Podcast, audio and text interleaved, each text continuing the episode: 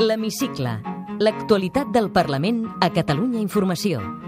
Amb Jordi Corbalan i el muntatge musical de Salva Pou.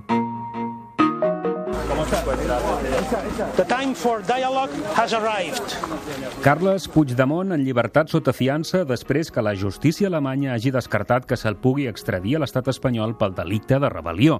La situació de Puigdemont i també la decisió de la justícia belga sobre Comín, Puig i Serret escriu un nou capítol en el guió del llarg camí cap a la investidura. De moment, el president Torrent proposa que Jordi Sánchez intenti de nou que Llarena li permeti ser investit, aquesta vegada amb els arguments de les Nacions Unides. Benvinguts a l'Hemicicle. L'Hemicicle. L'actualitat del Parlament a Catalunya Informació. El president del Parlament enllesteix telefònicament la quarta ronda de contactes per la investidura amb la proposta de Jordi Sánchez, malgrat que des de Junts per Catalunya no renuncien a fer president Puigdemont. El president Puigdemont sempre és el nostre candidat. El vot de Toni Comín pot ser decisiu per investir president després que Puigdemont ja ha delegat el vot en el ple. Els consellers cessats pel govern espanyol, que són a Bèlgica, han quedat en llibertat sense mesures cautelars. El primer que fem és exigir la immediata llibertat dels companys que avui estan en presó preventiva a Espanya. Són uns quants gols en un sol dia i el que és evident és que no, no s'ature, el partit continua. El ple rebutja la proposta de Ciutadans perquè Roger Torrent doni explicacions davant el ple sobre la investidura. Si us plau, president del Parlament, pot baixar al faristol i fem un debat serè de què és el que ha passat en aquests 100 dies i què pensa fer vostè en les properes setmanes? Tampoc és que ens estranyi que Ciutadans prioritzi l'atenció i s'alimenti de les engrunes miserables d'un moment d'excepció com el que ens ha tocat viure. El ple d'aquest dijous acordava la creació d'una comissió d'investigació dels atentats de Barcelona i Cambrils. Fins on arribava i on arriba aquest braç llarg del CNI al nostre país? Eh? Veiem que arriba molt lluny, eh? fins a Finlàndia, però en canvi no va ser capaç d'arribar fins a Ripoll. És una irresponsabilitat vincular Finlàndia amb Ripoll. De tot plegat en parlarem a l'hemicicle amb el diputat de Ciutadans, David Mejía.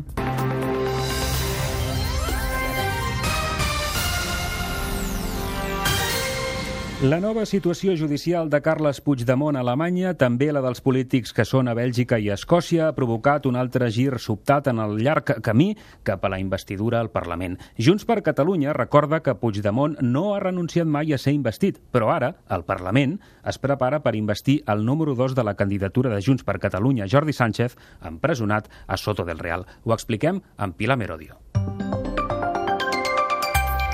Hores d'espera davant la presó de Neuminster i quan faltaven menys de 10 minuts per les dues del migdia d'aquest divendres, Carles Puigdemont ha sortit de la presó. Puigdemont assegura que és l'hora del diàleg i demana l'alliberament de tots els presos. I claim for the immediate release for all of my Demano l'alliberament immediat de tots els companys que continuen a les presons espanyoles. És una vergonya per a Europa tenir presos polítics.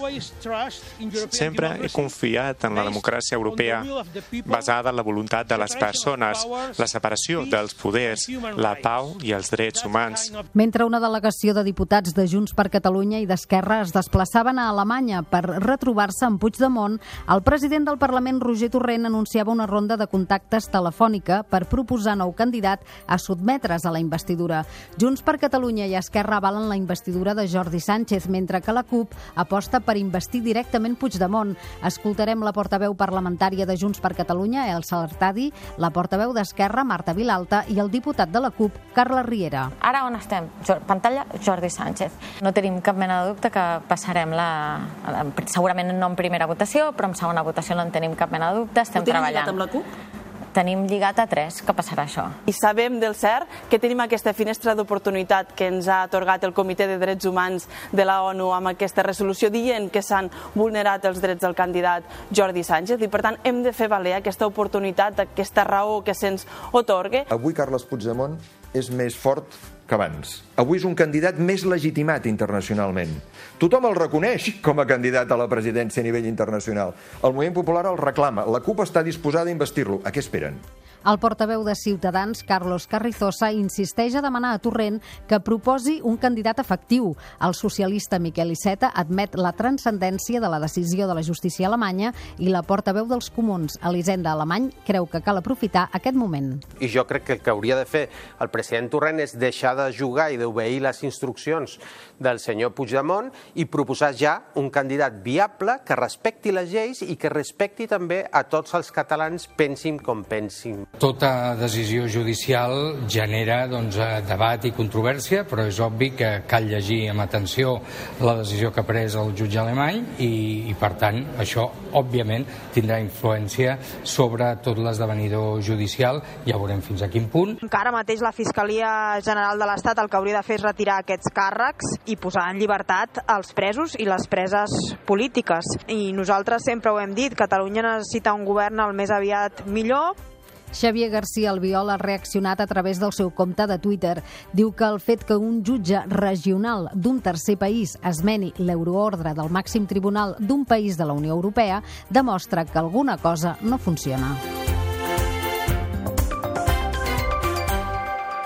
L'Hemicicle. L'actualitat del Parlament a Catalunya Informació. Oriol Junqueras i Raül Romeva, que han delegat el seu vot en el senyor Sergi Sabrià, portaveu del grup parlamentari republicà, i dels diputats Jordi Sánchez, Josep Rull, Jordi Turull i Carles Puigdemont, que han delegat el seu vot a la senyora Elsa Artadi, portaveu del grup parlamentari de Junts per Catalunya. Doncs ara ho escoltàvem, el ple d'aquest dijous ha estat el primer en què Carles Puigdemont també ha pogut delegar el vot. Abans de començar la sessió, la mesa rebutjava les peticions de reconsideració que havien presentat Ciutadans, el PSC i el Partit Popular en contra d'aquesta decisió de permetre el vot delegat de Puigdemont. Un cop desestimades, Puigdemont ha tingut llum verda per votar de manera delegada, igual com la resta de diputats que són a la presó. El diputat del PP, Alejandro Fernández, però, obria la porta a una possible impugnació. Nosotros ahora mismo estamos estudiando dos posibilidades. Una sería esperar eh, si el Gobierno de España toma la decisión eh, de presentar un recurso en el Constitucional que paralizaría inmediatamente esa delegación. La otra es la posibilidad de que nosotros mismos eh, presentemos un recurso de amparo. Malgrat el vot delegat de Puigdemont, els independentistes comptant amb l'abstenció de la CUP, encara els caldria el vot de Toni Comín per investir president. L'Hemicicle. El Parlament a Catalunya Informació. El ple d'aquest dijous eh, va començar amb una altra polèmica perquè els grups independentistes van fer caure a última hora de l'ordre del dia la convalidació de dos decrets llei. Un sobre el retorn del 20% de la paga extra del 2012 que es va treure als funcionaris i l'altre sobre la pròrroga del pressupost. Van argumentar una possible vulneració dels drets dels diputats perquè ningú del govern espanyol va anar al Parlament per presentar els decrets aprovats a l'empara del 155.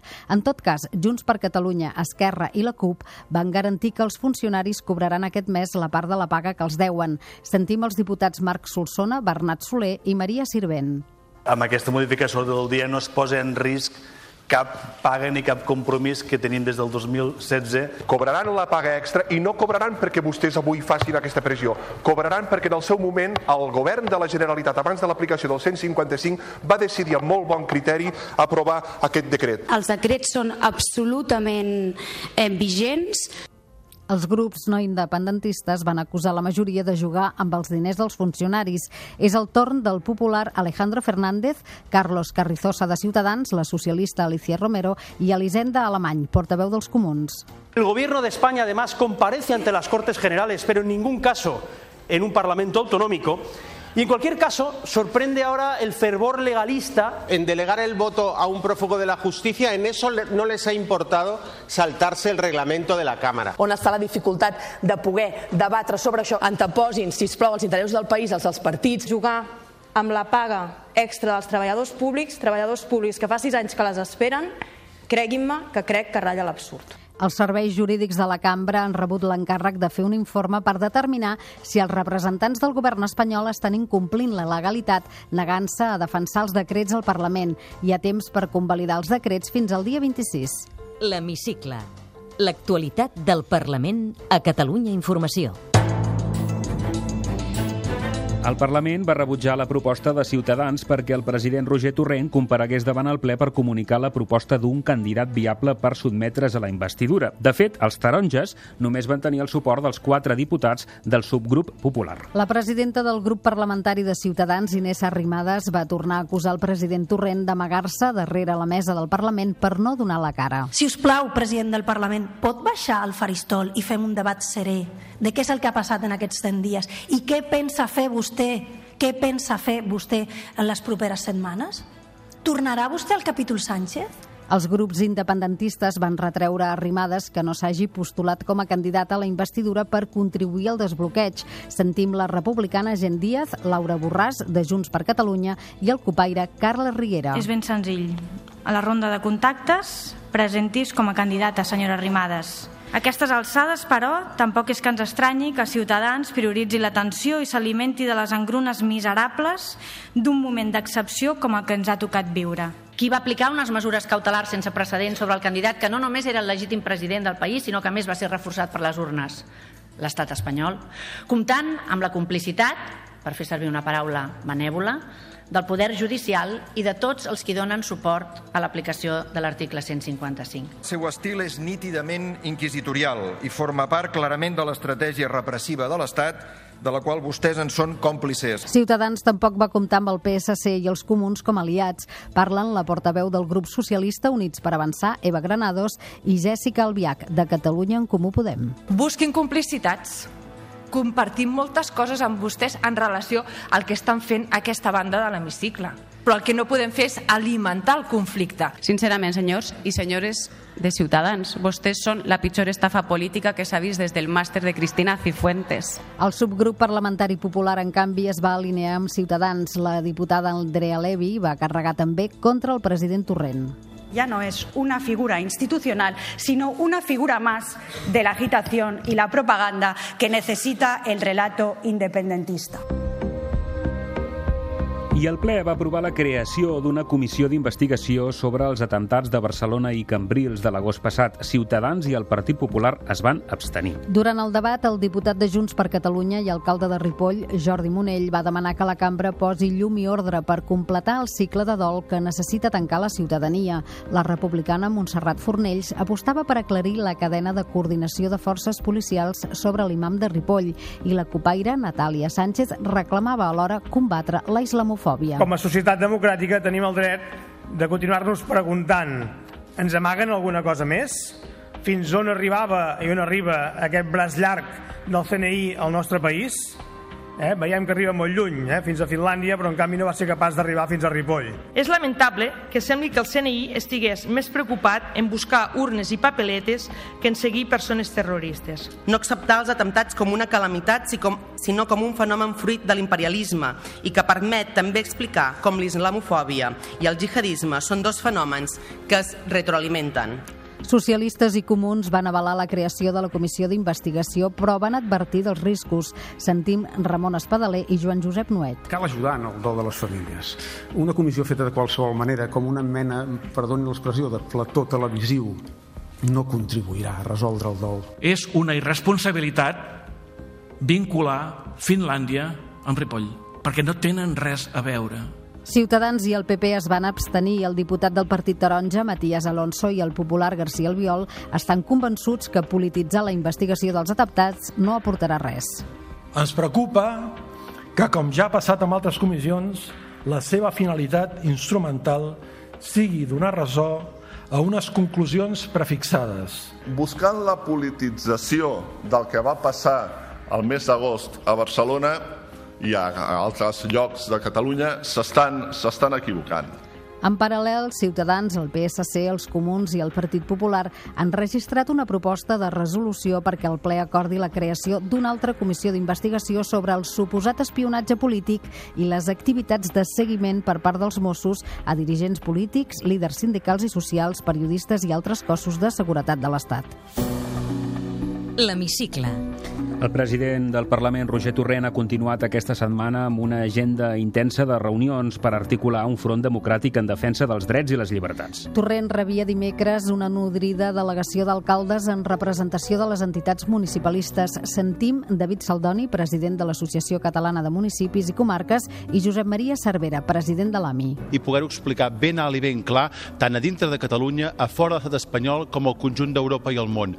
Perquè explicant la veritat de que no hi ha hagut violència violència en cap moment a Catalunya, eh, no se sustenten ni les euroordres que volen fer mantenir gent a l'exili, ni la presó preventiva de la gent que tenim a la, a la presó. Defensar els drets socials, els drets bàsics, els drets polítics està en l'ADN, penso que de les dues entitats municipalistes. Torrent també s'ha reunit aquesta setmana amb les entitats que treballen per la pau i la defensa dels drets humans, amb representants dels col·legis d'advocats, del poble gitano, els sindicats de l'administració pública, les federacions esportives Càritas i el PEN català. I el Partit Popular ha registrat aquesta setmana al Parlament una proposició de llei perquè el castellà sigui llengua vehicular a l'escola en un 25%. La reforma de la llei d'ensenyament proposada pels populars acabaria amb el sistema d'immersió lingüística a les escoles. L'objectiu de la proposta del subgrup popular és potenciar l'ús en la mateixa proporció del català, el castellà i una tercera llengua estrangera. Concretament, la iniciativa legislativa planteja que es garantís com a mínim un 25% del currículum en les tres llengües i estableix la la incorporació de la casella per poder triar entre català i castellà només durant l'etapa de primària en què s'ensenya a llegir i escriure. El diputat popular Santi Rodríguez insistia que en cap cas s'està obrint la porta a triar la llengua vehicular durant tot l'ensenyament escolar. El que proposem és un, una modificació del sistema que de facto s'ha imposat d'immersió lingüística eh, exclusivament en català i ho fem eh, per un model de conjunció lingüística. David Mejía, diputat del grup parlamentari de Ciutadans, gràcies per acompanyar-nos avui a l'hemicicle. Hola, què tal? Bé, com creu que pot afectar el rumb del Parlament, de la política en general, la decisió de la justícia alemanya sobre Carles Puigdemont? Bé, en tot cas, el que sí que estem veient és que l'actualitat ens va superant dia a dia i que cada hora doncs, tenim notícies diferents i, evidentment, això pot afectar doncs, l'activitat parlamentària i el desenvolupament de, del dia a dia del Parlament. Dit això, el que sí que farem farem nosaltres és, com sempre hem fet, és respectar les decisions judicials dels jutges, dels tribunals, també dels fiscals, ja siguin alemanys, ja siguin espanyols, i per tant, respecte absolut a totes les decisions judicials, com sempre ho hem fet i com sempre ho farem. Té algun sentit que hi hagi polítics i líders socials empresonats preventivament a l'estat espanyol per rebel·lió quan la justícia, de moment, d'un estat europeu com Alemanya no aprecia aquest delicte, en el cas de Puigdemont? Bé, tal com deia, nosaltres el que fem és respectar les decisions judicials digitals, eh, tant les que es puguin realitzar i produir a Alemanya com les que es puguin produir a Espanya o qualsevol altre país de la Unió Europea de qualsevol lloc. No? Eh, per tant, si els jutges i els tribunals d'un país decideixen doncs, que hi ha una situació eh, de presó preventiva respecte a un possible delicte, en aquest cas de rebel·lió, doncs evidentment ho respectarem de la mateixa manera que ho fem quan el tribunal alemany doncs, ha dit que no veu eh, cap eh, causa que pugui ser conseqüència d'un delicte de rebel·lió, tot i que si podem analitzar tot el ser, la seva resolució i tot el seu auto, doncs podem observar, com diu, coses doncs, com per exemple que no existeixen presos polítics o que també va haver-hi violència, el que passa és que considera que no és suficient com per tipificar-lo com un delicte de rebel·lió que per altre costat a Alemanya no existeix aquest delicte, sinó que existeix un delicte d'alta traïció. En tot creu que aquesta situació pot ser una oportunitat per eh, començar a desescalar el conflicte entre Catalunya i l'estat espanyol eh, que fa temps que dura i algunes veus doncs, es pronuncien en aquest sentit, no? que potser ha arribat el moment de començar a fer gestos per desescalar aquest conflicte. Nosaltres sempre hem defensat eh, que per solucionar tot aquest context que estem vivint a Catalunya i a la resta d'Espanya és necessari també donar una solució política. Evidentment, això no treu que el sistema judicial, que és el garant d'un estat de dret en qualsevol país democràtic, doncs faci la seva feina i tingui doncs, els seus camins eh, propis però això no treu que, evidentment, hi ha d'haver-hi una solució política eh, per la situació que, que estem vivint fins ara. Però perquè hi hagi aquesta solució política, creiem que hem de jugar tots amb les mateixes regles del joc. I les regles del joc que hi han són les normes vigents i l'ordenament jurídic vigent que tenim en el nostre país. Per tant, evidentment, que s'ha de buscar una solució política per, per tal de solucionar aquesta fractura social que creiem que hi ha a la societat catalana, per acabar amb aquesta confrontació que tenim entre catalans, però ho hem de fer sempre dins d'un marc i dins unes regles de joc establertes que nosaltres creiem que són les doncs, les lleis vigents en l'actual en l'actual sistema jurídic, eh, ordenament jurídic espanyol. Creu que Jordi Sánchez s'ha de poder sotmetre a la investidura en aquest Parlament?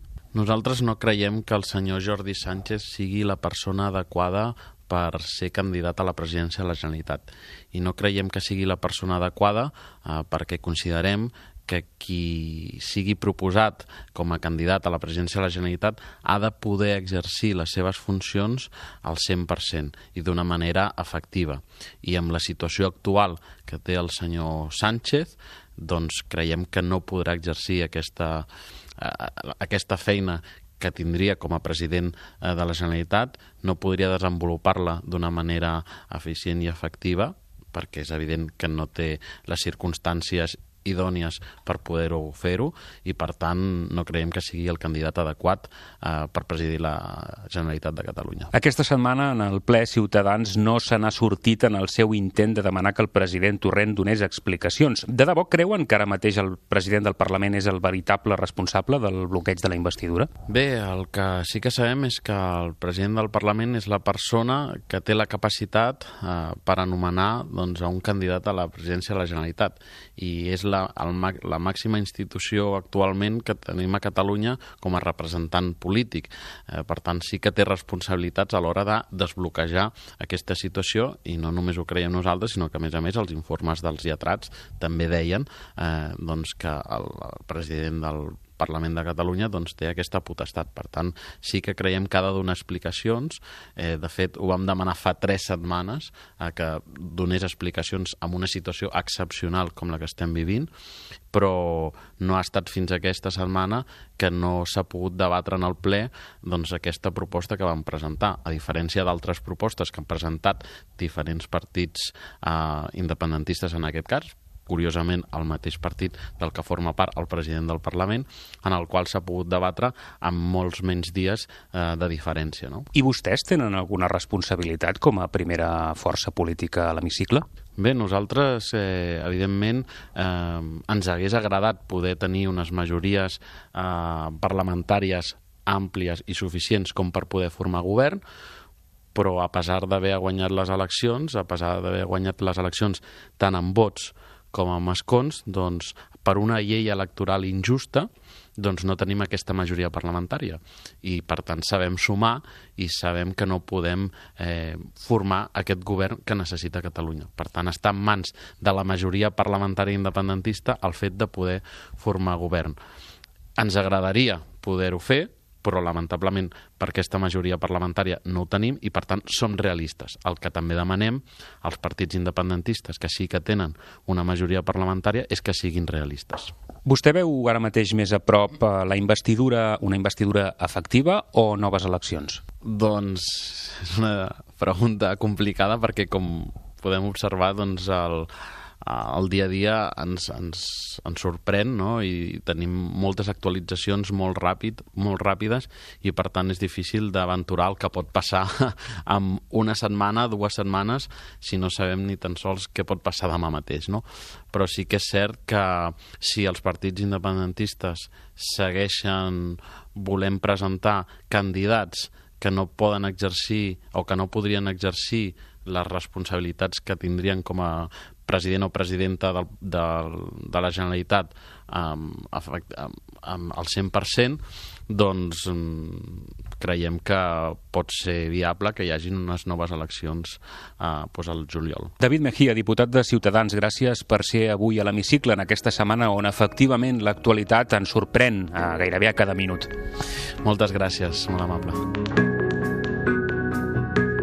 Podeu tornar a escoltar l'Hemicicle al web catradio.cat barra hemicicle i seguir l'actualitat del Parlament a través del Twitter a arroba hemicicle i arroba cati-política.